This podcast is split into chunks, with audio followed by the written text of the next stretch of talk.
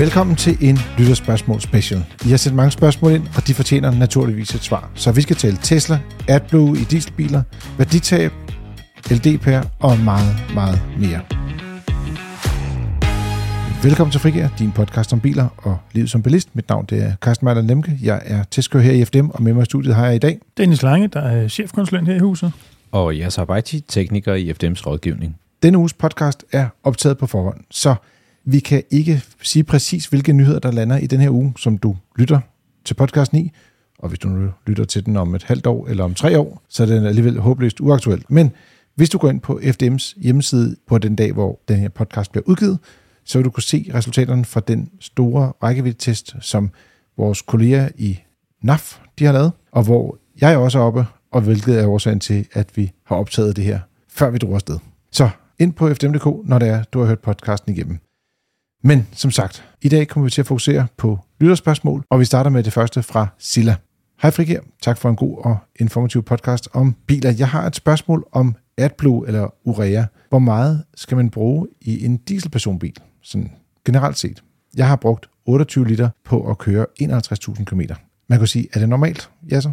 Ja, det lyder normalt. Øh, AdBlue-forbruget er på en sund bil øh, et sted mellem en halv og en hel liter per 1000 km.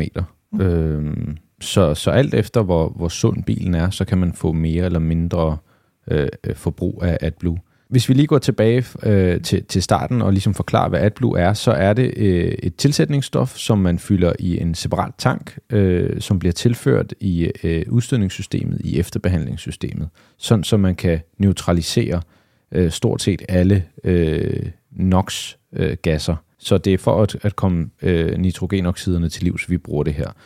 Og så kan man sige, at en dårlig forbrænding eller en, en for varm øh, temperatur, det, det skaber NOx, og det er det, som hvad kan man sige, det her AdBlue, det, det sørger for at, at bringe ned. Alt efter hvor, hvor meget vi kører med en dårlig forbrænding, eller hvor usund motoren er, eller hvor dårligt systemet er, så øh, kan man bruge mere eller mindre øh, AdBlue. Så hvis du har en gammel bil, øh, som ikke er vedligeholdt, eller hvis du har nogle dyser, der ikke fungerer i dit AdBlue-system, eller noget, der, der sprøjter forkert, eller et dårlig, en dårlig kvalitet af AdBlue, så vil du få en, øh, et, et, et forbrug, øh, altså et, et, et øh, forøget øh, forbrug af AdBlue. Men typisk et sted mellem en halv og en hel liter, det er ikke unormalt. Så hans forbrug her på 28 liter ud af lige godt 50.000 km, det er jo nærmest spot on. Det er ja. den lave ende. Yes, det ligger inden for skiven, vil jeg sige. Vi har også fået et spørgsmål fra Fred. Han siger, kære Frigir, vi var tre kammerater, der besøgte ICA Expo, da vi endelig fandt en parkeringsplads og en lille blinkesmiley. Men vi fik også rigtig mange gode indtryk med hjem. Vi tjekkede blandt andet alle de bagsæder, der var relevante for os, når nu man skal have teenager med i bilen. Og dermed står vi med et spørgsmål, som vi forhåbentlig kan hjælpe os med. Inden til spørgsmål vil vi bare lige nævne, at de var øh, tre gutter jo. De lavede en lille konkurrence om, hvem der har de bedste bagsæder, og de mente, at det var en Volkswagen ID7, der havde det bedste, og bagefter Siga 001 Enyaq ID4, skråstrej Tavascan. Jeg vil sige, alle de her tre biler er jo stort set ens, men der er lidt mere plads i den, jeg kan forstå det godt. Så er der noget EV6, noget Q4, og så kører det derud af med Kona 9 og så videre. Eller mange år, jo større bilen er, jo bedre bagsæder der. Præcis. altså, det, det, det, er sjovt nok, det der gør. Jeg vil sige, det, næsten altid det, der afgør det. Det er den der, hvor meget plads der er. Nogle gange kan det være lidt øh, også, hvor, hvor tæt man sidder på gulvet mm, ja. øh, i elbiler, fordi at batterierne fylder lidt op i bunden, og det gør jo også, at man ikke ligesom kan få fødderne langt ned i, i, skal man sige, i bilens karosseri. Men det var kun, når de ikke talte det bagsæde med, som der var i den Saab 9.5 fra 2001, som de rent faktisk kørte hen til messen i. Og så er der spørgsmål. Er det lovligt at få konstrueret et nyt bagsæde til sin bil, eller i hvilket omfang er det lovligt rent faktisk at modificere bagsædet? Fordi det kunne være, at der var en elbil eller en anden bil, man var glad for, men selve bagsædet var man ikke helt tilfreds med. Så spørgsmålet er, kan man få lov til at ændre bagsædet? Altså det meget korte svar, og så skal jeg nok komme et lidt længere svar bagefter, det meget korte svar er jo øh, øh, øh absolut udgangspunkt nej. Forstået på den måde, at hvis man skal ind og rode med bagsædet, eller et hvilken som helst anden side, det er jo bilens øh, hvad skal jeg sige, opbygning og sikkerhedsudstyr så ved du ind og pille ved. Øh, og hvis du gør det, så skal bilen jo godkendes på ny, og udover det er besværligt, så er det potentielt i hvert fald også dyrt at få, øh, få, få det på plads. Så i praksis, nej, det det kan du ikke. Øh, men hvis du virkelig vil, så øh, jo, det kan du da godt, men, men, men det virker ikke som en god løsning. Og jeg er ikke sikker på, at det er sådan, hvis vi skal kort øjeblik snakke gensalgsværdi på en ret ny bil, som du har øh, øh, øh i gåseøjne ødelagt, øh, det hjælper nok heller ikke. Så, altså, men som udgangspunkt, nej, det er ikke noget, man bare må gøre. Det kræver, det kræver en hel del. Man kan også sige, at hvis formålet var, at de gerne vil skabe mere plads i bilen, så skal de også have nogle mindre sæder, og i så fald bliver du nødt til at gøre noget ved forsæderne, og de sæder er der næsten øh, skal man sige, airbags i alle af slagsen, så der kommer man i nogle store udfordringer ja. i hvert fald. Altså skal du rykke bagsædet bagud, men så skal du til at virkelig Ej, modificere, og så sidder selerne ikke det rigtige sted, og øh, jamen, det, det, det er ikke en, en reel mulighed. Vi har også fået et spørgsmål fra Martin. Han siger, hej, jeg har et teknisk spørgsmål, som ikke er aktuelt for os endnu, da vi først lige har fået vores elektriske Volvo XC40. Ved en eventuel udskiftning af batteriet, måske fordi der er en fejl på det, eller det er simpelthen bare blevet slidt på grund af alder, vil det så være muligt at udskifte batteriet til en nyere model med bedre lagringskapacitet, holdbarhed, eller kan man kun udskifte batteriet med præcis samme type eller størrelse af batteri, som man har i forvejen i bilen? Altså, jeg vil starte med det tekniske, øh, og så kan Dennis øh, måske supplere. Øh, I forhold til, til, til teknik, så er det jo øh, tit og ofte sådan, at fabrikanten ikke øh, nødvendigvis gør bilen øh, kompatibel med, med ting, som der skal ske fremadrettet. Og, og det betyder typisk, at hvis man tager en, en type celle ud, så putter man den samme type celle ind. Øh, det er også sådan noget, at øh, i forhold til øh, programmering af, af det her øh, software, der ligger i, i batteriets øh, computer, altså BMS-systemet, det skal jo også tage hensyn til, at det er en vis type celle. Øh, det er i forhold til opladning og afladning. Hvad kan vi tillade os at gøre med den her celle? Øh, så man kan ikke bare skifte øh, til en anden type celle øh, eller til et, et større batteri. Derudover er der også nogle ting, som hvis man nu puttede et større batteri i, jamen det betyder noget mere vægt.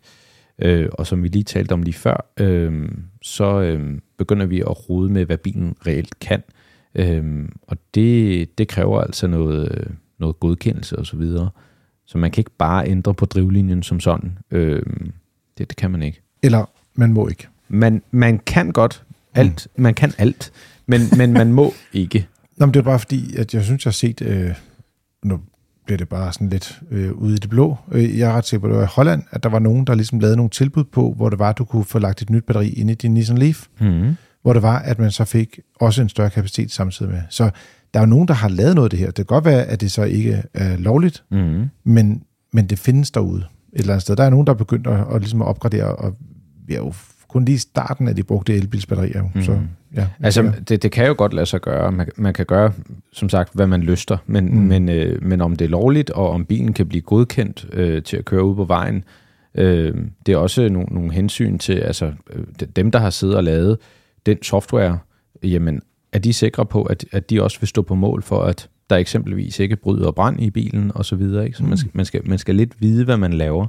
Øhm, og øhm, det, det kan sagtens være, at der på et tidspunkt i fremtiden kommer til at være en virksomhed, øh, som siger, jamen vi har øh, formået at, at, at putte et nyt liv i den her bil, øh, og vi har også fået det godkendt, sådan så at bilen ikke ændrer karakter eller øh, i forhold til sikkerhed øh, eller andre ting.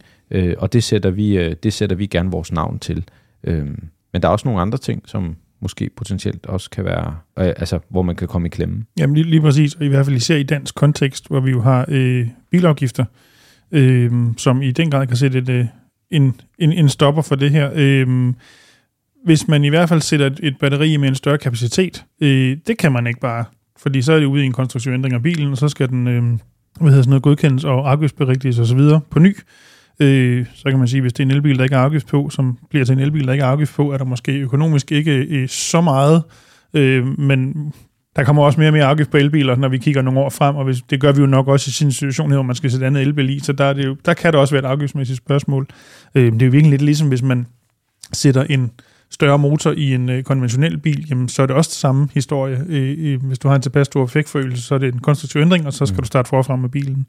Øh, så derfor afgiftsmæssigt, så er der et issue, og det var virkelig også det samme problem, at NIO løb ind i med deres batteriskifte-model, at hvis du køber bilen med batteri, kan du ikke skifte batteriet til en anden kapacitet på deres batteriskiftestationer, fordi så rammer du den her issue, og du kan ikke øh, skifte til et 100 kW i stedet for et 75 for eksempel. Mm. Øhm, hvis du har lejet batteriet, så er det lidt en anden historie, øhm, så vidt jeg lige kan gennemskue. Men altså, hvis, hvis batteriet er en del af bilen afgiftsmæssigt, så kan du ikke. Og det er det samme, der er her. Øhm, så lovgivningsmæssigt på den front er der i hvert fald også nogle øh, udfordringer i, at det kan man ikke bare, ikke som verden ser ud nu i hvert fald. Mm. Der var en ting, som jeg, det er bare for at komme med et drillende opfølgende spørgsmål, øh, og jeg, jeg er ret sikker på, at øh, Martin har spurgt om præcis det samme. Øh, det er sådan, at hvis du køber en Tesla Model Y i det, der hedder bagstræk, den tidligere hedder Standard Range, den mindste model, mm. så findes den faktisk med to forskellige batterier, hvor det er det ene af dem kommer fra, det kan jeg ikke huske, men det andet er fra BUD, som jeg husker det. Mm. Og der er ret stor forskel på, hvor hurtigt de kan lade. Mm. Så kapaciteten er jo det samme, og begge batterier er fabriksbatterier. Altså, ja. må man så godt bytte over til det andet type batteri?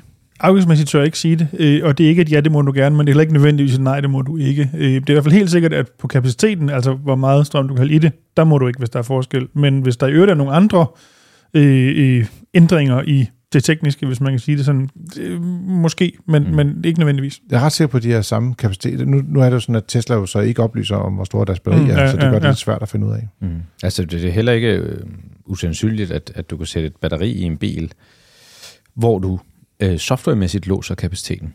Uh, og så kan det godt være, at, at bilens batteri fysisk er større, mm. uh, for eksempel brutto, men at nettokapaciteten er låst til en given. Skal uh, vi have chiptuning i batterier også? Ja, ja. Det, det kommer også. Altså, jeg ved, at der, jeg ved, at der er nogle af de her, øh, øh, apropos øh, Leaf, øh, der er der nogen, der har valgt at, at sige, jamen øh, sådan noget som en, øh, som en temperatursensor, der kan vi det godt lige gøre et eller andet, så den ikke overvåger temperaturen på samme måde. Og det, det, det lyder rigtig farligt, øh, og jeg får helt gåse ud, når jeg tænker på, hvad, hvad man kan byde folk. Øh, det, det kan godt blive rigtig farligt, så lad være med, med det, hvis ikke man, man, man får en godkendelse, en eller anden form for godkendelse, når det en dag i fremtiden potentielt bliver muligt.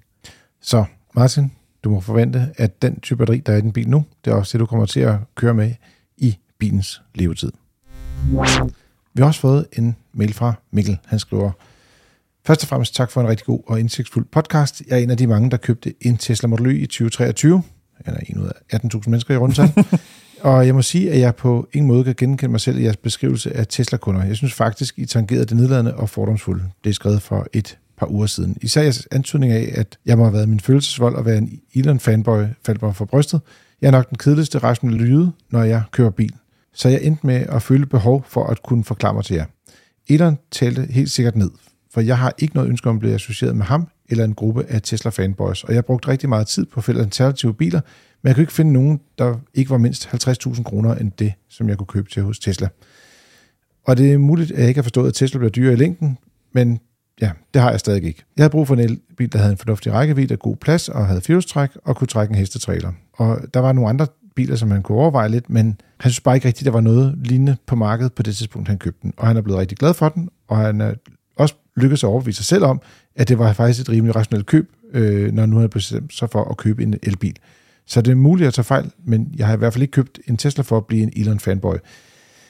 Og altså jeg skal sige, hvis, hvis vi kommer til at sige det på den konto, så er det i hvert fald ikke øh, øh, øh min, ment, eller også er det øh, med et smil på læben, øh, i det, det er blevet sagt. Jeg tror, vi har været øh, humoristiske, spydige og kækker alt muligt andet om Tesla og så mange andre biler. Man kunne nævne Volkswagen.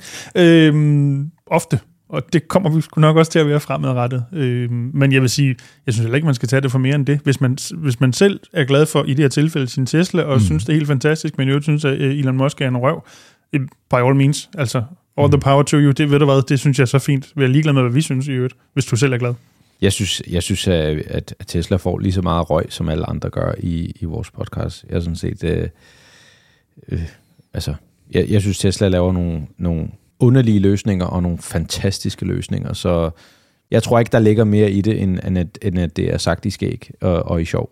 Ja, man kan også sige, at hvis, hvis det er, at øh, vi taler omkring de her, skal man sige, øh, der har jo været nogle af de første kunder, som jo har været øh, meget dedikerede øh, skal man sige, fans af, af, Tesla. Og det kan den, man vist roligt sige, ja. Ja, ja nå, det var bare for at sige, mm. at der er jo nogen, som har været meget tro. Men jeg tror mm. også, vi talte om at det her med, at, at der var en bevægelse, og nu er det jo bare blevet en, en bil jo, altså som alle køber. Men det er klart, der har været nogen, som har talt øh, produktet mere op, end i hvert fald mere dedikerede ejere, Øh, om man så kalder dem Tesla fanboys, eller hvad man nu kalder dem, det er jo lige meget. Men de har i hvert fald været utroligt glade for deres biler, og det har de bredt ud, øh, skal man sige, på mange forskellige kanaler. Mm. Øh, Og med stor succes, kan vi bare se.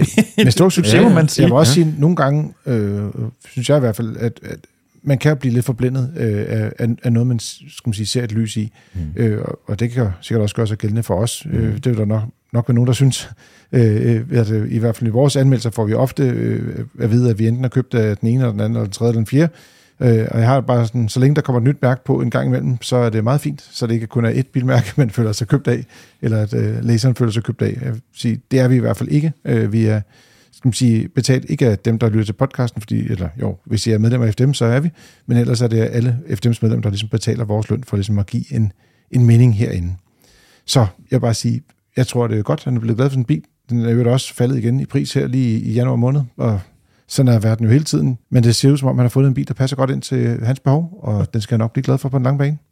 Og det er det vigtigste.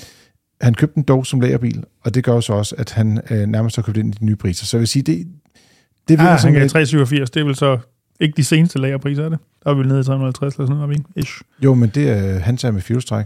Så Nå, det er den ja, version med lang rækkevidde og alting. Mm. Så det er ligesom det skal være. Så det vil sige, at Mikkel, du har gjort et, øh, et godt køb, og så, øh, hvad skal man sige, jeg håber, du bliver glad for den bil. Vi har også fået en mail fra Henrik, og det synes jeg faktisk er noget af det mest spændende, fordi lige før juleferien, der skete der det, at der kom øh, øh, en nyhed på det danske synsmarked, som man siger. Mm. Og Som man siger. Gør man det? det er blevet sagt nu i Ja, hvert fald. det er nok. Så Henrik skriver, først og fremmest ønsker sig godt nytår, og tak for en dejlig podcast, som jeg ser frem til at lytte til. Jeg kan læse mig til, at det nu er blevet lovligt at erstatte halogenpærer med LED under forudsætning af, at pæren er godkendt i Tyskland. Min kone har en Honda CRV fra 2016 i husstanden, som hun er meget glad for, men der er ikke så meget lys i forlygterne med de standard halogenpærer, så jeg overvejer at skifte den ud med LED, men er bange for at ryge en fælde med noget billigt kinabras. Kan I belyse emnet en lille bit smule? Og jeg tillader mig lige før, ja så, som jo ja, øh, skal man sige, den, det er dig, der har den. Jeg tror, det er en kombination af Dennis og jeg. Nå, okay. Mm. Jamen, jeg vil bare sige, øh, jeg synes, det er ret interessant det her. Øh, og, og det er også det med, nu siger jeg, at den skal være godkendt i Tyskland. Jeg mener, det faktisk, der er flere lande, der kan være godkendt i. Mm. Men om ikke andet, der er nogle lister, man skal gå ind og kigge efter. Ja, altså det er sådan, at øh, hidtil øh, har man ikke må skifte det, der hedder lyskilden i en forlygte. Og det betyder, at hvis du kører med halogen, så er det halogenpære, der skal i. Hvis du kører med LED, så er det LED, der skal i. Og xenon-lygter, øh, eller en DEFA-lygte, eller hvad man nu har. Man må ikke skifte kilden. Og måske bare lige parentesmærke, det har jo blandt andet skyldes, hvis ikke udelukkende skyldes, at en i hvert fald hidtil LED-pære udsender lyset på en anden måde, end halogenpæren gør. Det vil sige, det passer ikke ind i parabolen, den måde, den er bygget til, så lyset bliver kastet i alle mulige retninger, det ikke skal kastes hen. Lige Og derfor har det ikke været tilladt. Lige præcis. Øhm, og så kan man sige, jamen det der er sket, det er, at, at øhm, der er lavet nogle godkendelser, blandt andet fra, fra Osram og Philips, og de har sådan en positiv liste, det vil sige, de har nogle godkendelser af nogle pærer, som passer i en bestemt lygte til en bestemt bil. Og I en bestemt årgang. Altså Lige sådan, præcis. Den bil. Så, lige præcis. Så, øh, så hvis du har en øh, Toyota Corolla for eksempel, øh, jeg så nogen, der var fra, fra, fra 90'erne eller 80'erne eller sådan noget, som var blevet godkendt, jamen så kan du, øh, så kan du få Wow. en, øh, en, en, øh, en pære, for eksempel en H4-pære, som det er jo så en H4, ikke en halogenlygte, men en LED-pære, Mhm. mm-hmm. øh, som passer i en, øh, i en halogenlygte, og det er sådan, at der på nogle biler, jamen så er der øhm, øh, behov for noget modifikation. Det vil sige, at man skal sætte en, øh, en adapterring ind, sådan så man kan få pæren til at sidde rigtigt, sådan så, øh, som Dennis øh, nævnte, at den ikke lyser til højre og venstre, sådan så at den lyser rigtigt. Øh, det kan også godt være, at, øh, at der ikke er plads i selve huset. Jamen så skal man have mulighed for at, at kunne køle den her LED-pære og så videre. Øhm, og så kan man øh, så kan man få det så kan man så få det godkendt. Og det det kræver i første omgang, det er at at pæren og bilen er på positivlisten. Ja, det skal være en, den, den pære til den bil. Lige præcis. Og når man så øh, sætter den i, så må man øh, gerne lovligt køre øh, ude på vejene, forudsat at man kan dokumentere over for en færdselsbetjent, at, at den her øh, øh, konstruktive ændring, som det jo egentlig er, at den er i orden. Så øh, er det sådan, at når du så en dag skal til syn, så øh, skal man foretage det, der hedder et registreringssyn, og få lavet den ændring i det digitale motorregister som en konstruktiv ændring, sådan så man fremadrettet hvis man bliver stoppet, så kan man dokumentere, at det her køretøj, som nu er, har øh, en anden pære i, Mm. det, det er faktisk godkendt. Og så er der et lille arbejdervej, og det er, når man er vant til at have øh, en halogenpære, det har jeg for eksempel i min bil, øh, den skaber noget varme, og den fjerner sneen og isen ude foran. Duk. Den Måske. øh, fjerner dukken øh, ude i lygten. Og det er jo det, bilen oprindeligt er konstrueret som. Mm. Så hvis man ikke gør det her ordentligt, og når pæren ikke skaber nødvendigvis særlig meget varme, så kan man altså potentielt se frem til øh, vand eller duk i forlygten. Øhm, så det er en del af... Eller is, som sætter sig på forsiden eller på ydersiden af lygterne. Det har vi jo set på nogle biler, der Ja. jo har haft øh, LED-pære i hvert fald. Lige præcis. Så, så, så det kan altså godt være, at bilen, selvom den er lovlig, så kan den jo ændre karakter øh, eller opførsel. Det skal man lige være opmærksom på. Nogle af bilerne har jo også, øh, en del af de moderne biler har jo også overvågning af, af lygterne. Det vil sige, hvis, hvis pæren den springer, øh, så skal bilen sige, du, du mangler højre forlygte pære. Øh, og det kræver også noget modifikation, sådan så at bilen tror, at pæren øh, lyser øh, som en halogenpære, Mhm. øh, men det er reelt en LED-pære, og det vil sige, at den bruger noget mindre strøm. Øh, så det, det, det kræver den fulde ændring, kan man sige, med øh, potentiel elektronik og adapterring og hvad der nu kan følge med øh, af låg og så videre til lygtehuset. Så vil jeg bare tilføje en lille ting, som øh, nu lader jeg lige, tager jeg lige den der handyman-ting på skulderen. Mm. Det er sådan, at hvis du kører med en 8 år gammel bil, Mm. så er det ret ofte, at der kommer mange små stenslag eller andre påvirkninger på ydersiden af, af forlygterne. Og der kan det faktisk godt være en fordel, hvis det er, at man lige får poleret lygterne op. Øh, det skal gøres ordentligt selvfølgelig, så man ikke øh, ødelægger selve lygten. Mm. Men der er mange biler, hvor der er, især de her modeller, som ikke har glasforlygter, hvor der er, de bliver en lille smule matte i det, når de bliver gamle. Mm. Eller måske får en, sådan, bliver sådan lidt hvidmateret faktisk mm. også af, af sollys. Og hvis du lige får poleret dem ned på den rigtige måde, så kan du rent faktisk få et øh, markant bedre lys, end det du havde før. Så det var et lille tip, hvis det var, at de savnede lidt ekstra lys derude. Mm. Vi har også fået en mail fra Jasper. Han skriver, Hej i podcasten. Tak for et godt program, som jeg hører, mens jeg kører til og fra arbejde. I omtaler ofte elbiler som attraktive i forhold til økonomi. Jeg er selv elbilsejer og kan bekræfte, at den daglige drift i form af el, service osv. er blevet billigere end det fossile alternativ. Men hvad sker der så, når man indregner bilens værditab? Elbiler er faldet meget i pris over det sidste år, og jeg ved, I medregner værditab i jeres analyse. Men mit indtryk er, at vi elbilsejere bliver ramt forholdsvis hårdt på værditabet med de reducerede elbilspriser. Hvordan ser I på det? Og den tror jeg, jeg, tager den selv. Den ligger på dit Det bord, synes jeg, du Carsten. skal gøre. Nå, okay. Kan du ikke se, at vi har lænet os fuldstændig tilbage meget, Jasse, og bare kigger håbefuldt over på dig?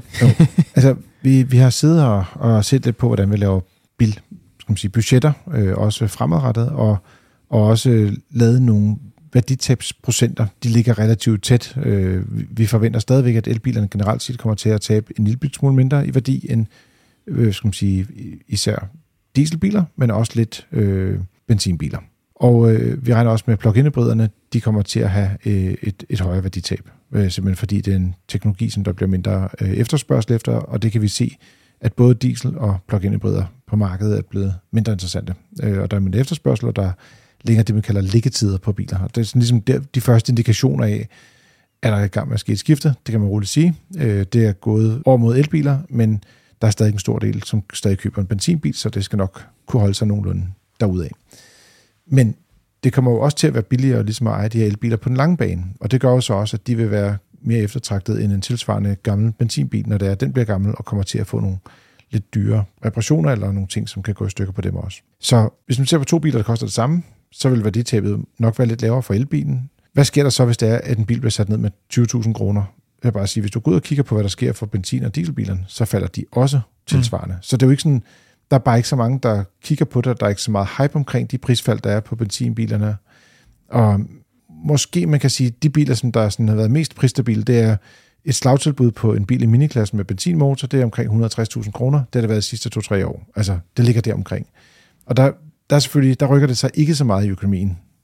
Øh, men det er også et segment, hvor du slet ikke kan købe en elbil i øjeblikket. Så det er sådan lidt, de lever lidt deres eget liv, kan man sige, i øjeblikket, og får lov til at gøre det indtil videre. Så det er først senere, det ligesom bliver ramt af, af de her elbiler som konkurrenter til, til benzinbilerne. Når man ser på de dyre biler, selv hvis du kommer til at have et, et lidt højere værditab, så når du kigger over en treårig periode, eller en, undskyld, en femårig periode, så kommer et ekstra værditab til at måske betyde sådan noget med det ved ikke, 6.000 kroner eller 500 kroner om måneden, øh, 6.000 kroner om året ikke?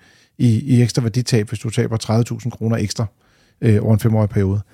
Og, og det rykker selvfølgelig en del på, på regnestykket. Og det gør så også, at elbilen ikke bliver lige så billig, som hvis det var, at benzinbilen ikke var faldet pris. Og det er det, som der hele tiden er sådan lidt, men hele markedet bevæger sig jo samtidig. Så det er jo ikke sådan noget med, at det kun er øh, elbilerne, der falder i pris. Det er jo alle biler, der falder i pris i virkeligheden. Og gensatsværdien falder også tilsvarende lidt på benzin- og dieselbilerne, når det er, de falder på, på elbiler. Så alt det her, øh, skal man sige, de her mange tal og, og, og tankespil gør i, at der er ikke nogen tvivl om, at det kommer til at ramme en hårdere, når det er, at der kommer et stort fald i pris på en konkret bil. Men overordnet set, så kommer det stadig til at være billigst at købe en elbil i forhold til at købe en benzinbil. Vi kan bare se, at der er nogle til enkelte steder, hvor det er, at det godt kan være lidt dyre, for eksempel at være elbilsejer. Vi synes at se lidt stigende priser på øh, de forskellige serviceaftaler, der er på elbiler. Øh, og vi kan også se, at især sådan nogle ting som forsikring er blevet dyre generelt set for elbiler, men især for biler som for eksempel Tesla, hvor det er, at de har nogle meget markant dyre øh, skal man sige, øh, forsikringspriser. Så derfor skal man huske ligesom at tage alle parametre med, når man sætter sig ned og, og laver et regnstykke for bilerne. Mm. Og det er jo det, vi gør, når vi laver beregninger på vores testbiler. Mm. Hej, kære Trio. Jeg vil gøre det her så kort som muligt. Jeg er ikke helt sikker på, om jeg har haft det op at vinde før. Jeg er ellers en ivrig lytter. Jeg har set mig lidt lun på den nye Tesla Model 3, efter jeg var ude og prøvekøre den hos en Tesla-forhandler. Men bør man eller bør man ikke undervognsbehandle sin bil? Så skriver han lidt flere parametre. Men jeg vil bare sige, vi kan vel egentlig bare starte stille og roligt. Der er jo rigtig mange, der køber Tesla. Mm. Øh, der er mange snakker og myter omkring Tesla, om de øh, ophæver garantien, ikke ophæver garantien, om man bør behandle bilen eller ikke bør behandle skal man sige, bilen, mm. så den er sikker i fremtiden. Mm. Der har også været en del forskellige undersøgelser fra øh, Norge blandt andet, hvor der de viser, at der har været nogle forskellige typer rustangreb på deres biler. Mm. Er de mere udsat end andre bilmærker? Man kan sige, biler, der er udviklet til et amerikansk klima, er måske ikke beskyttet lige så godt som biler, der er udviklet til et nordisk klima. Mm. Men vi har jo heldigvis ja så. og så er der ikke noget, der ruster? Eller? Nej. ja, altså han ryster i hvert fald ikke, når han skal udtale sig. Og øh, der tænker jeg lidt, at du lige kan, ja, måske lige ryste lidt guld ud af dine ærmer, og ja. fortælle lidt omkring rustbeskyttelse, og du kan sige elbiler generelt, men du kan også sige Tesla. Mm, ja, altså som udgangspunkt, så anbefaler vi, at man rustbeskytter sin bil, uanset om det er en Tesla, øh, og om den kører på benzin, eller diesel, eller el, eller brint for den sags skyld. Øh, rustbeskyt din bil, hvis du ønsker at beholde din bil i mere end 3-4 år. Det er, hvad kan man sige, udgangspunktet. Så er der variablerne. Øh, Tesla siger, at... Øh, at der er øh, mulighed for, at indefrakommende gennemtæringsgarantien, altså den garanti for indefrakommende gennemtæring, at den bortfalder, hvis man rustbeskytter bilen.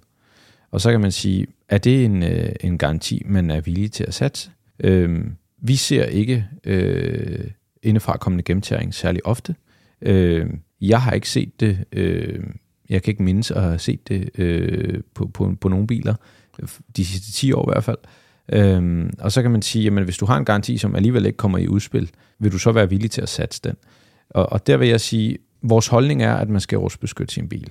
Hvis man ikke vil, lade, øh, hvis man ikke vil, øh, vil satse den her indefrakommende gennemtæring, så lad være med at rustbeskytte din bil. Hvis man gerne vil passe på sin bil generelt, øh, så skal man lade sin bil rustbeskytte. Det er sådan, at, øh, at de her biler, de er jo ikke lavet til vores klima. Og det er ikke kun Tesla, det er også andre bilmærker. Øh, så så øh, jeg vil klart anbefale, at man rustbeskytter bilen. Det skal selvfølgelig gøres af nogen, som ikke render rundt med hovedet under armen, sådan så man får rustbeskyttet bilen ordentligt og korrekt.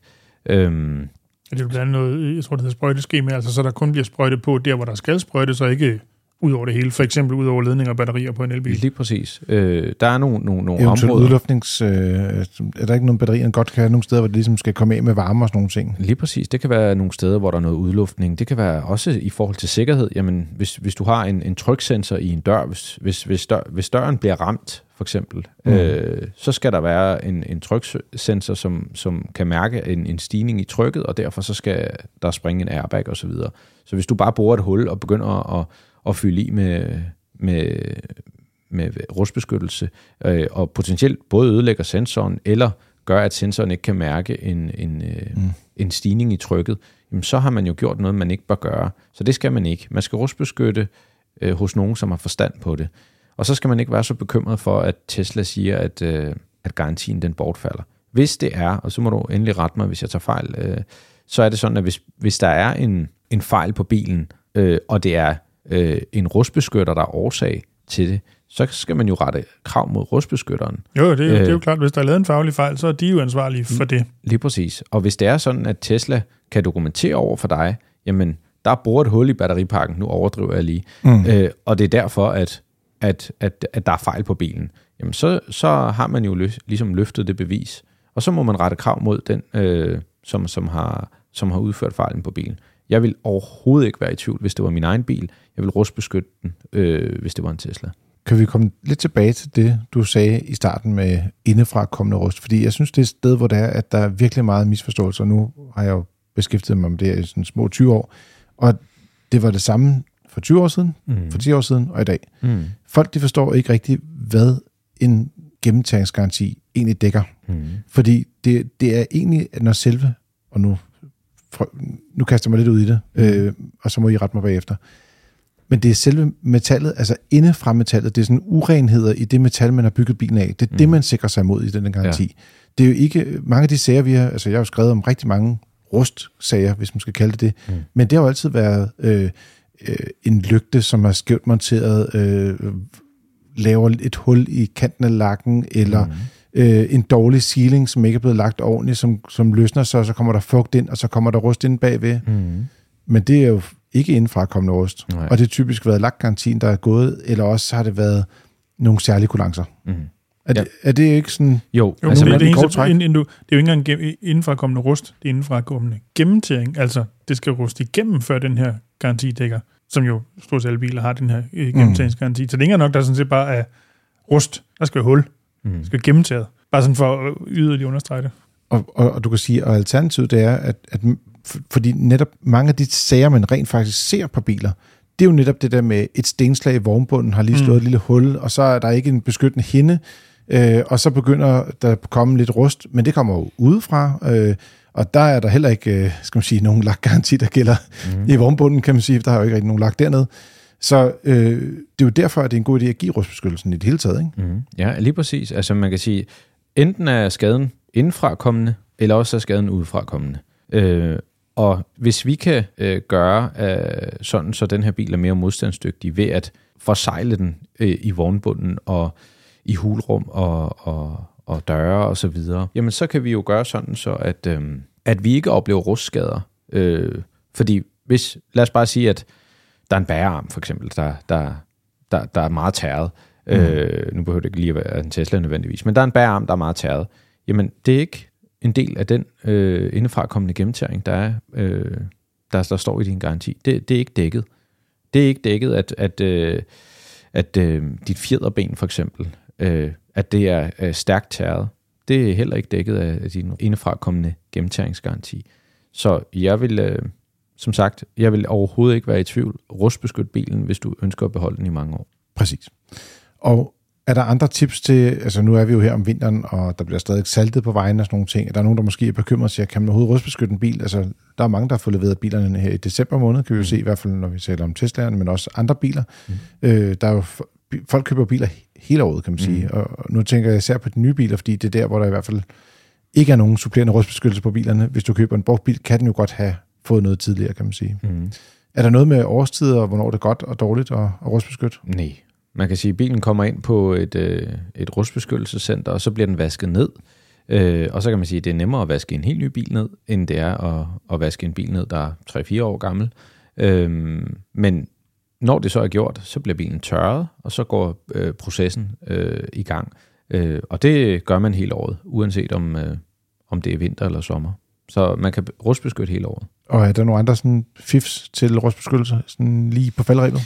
Mm, nej, altså gør, gør det hos nogen, som er øh, vores anbefaling, at man rustbeskytter hos nogen, som er, er tilknyttet en øh, uvildig stikprøvekontrollant, sådan så at man ligesom har øh, en form for kontrol med det, at, øh, at det ikke er bare en bil, der er døbet i rustbeskyttelse, og så videre ud, og så er det den næste bil. Ikke?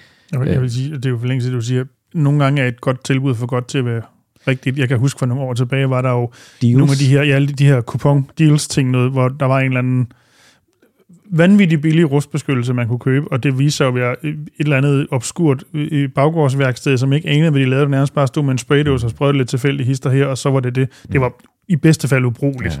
Og så er der også altså, nogen, der kalder det, jamen, få lavet en undervognsbehandling, ikke? Jamen, så får man en undervognsbehandling. Det vil sige, du får ikke øh, rustbeskyttet dine døre, din hulrum, alle de her ting. De bliver ikke rustbeskyttet. Du får en, et slidlagsbehandling i bunden af bilen, ikke? Jamen, det var det, vi sagde. Der stod jo mm. undervognsbehandling, ikke? Så vær lige ops på, hvad er det, du bestiller, øh, mm. og, og anvend nogen, som, som lever af det her. Øh, at det ikke er bare noget, der er, der er på dåse, og så bliver det gjort i en eller anden garage. Det er ikke nødvendigvis den bedste beskyttelse, du får. Så er pengene bedre brugt ved at bruge nogle flere penge, som man siger. Lige præcis.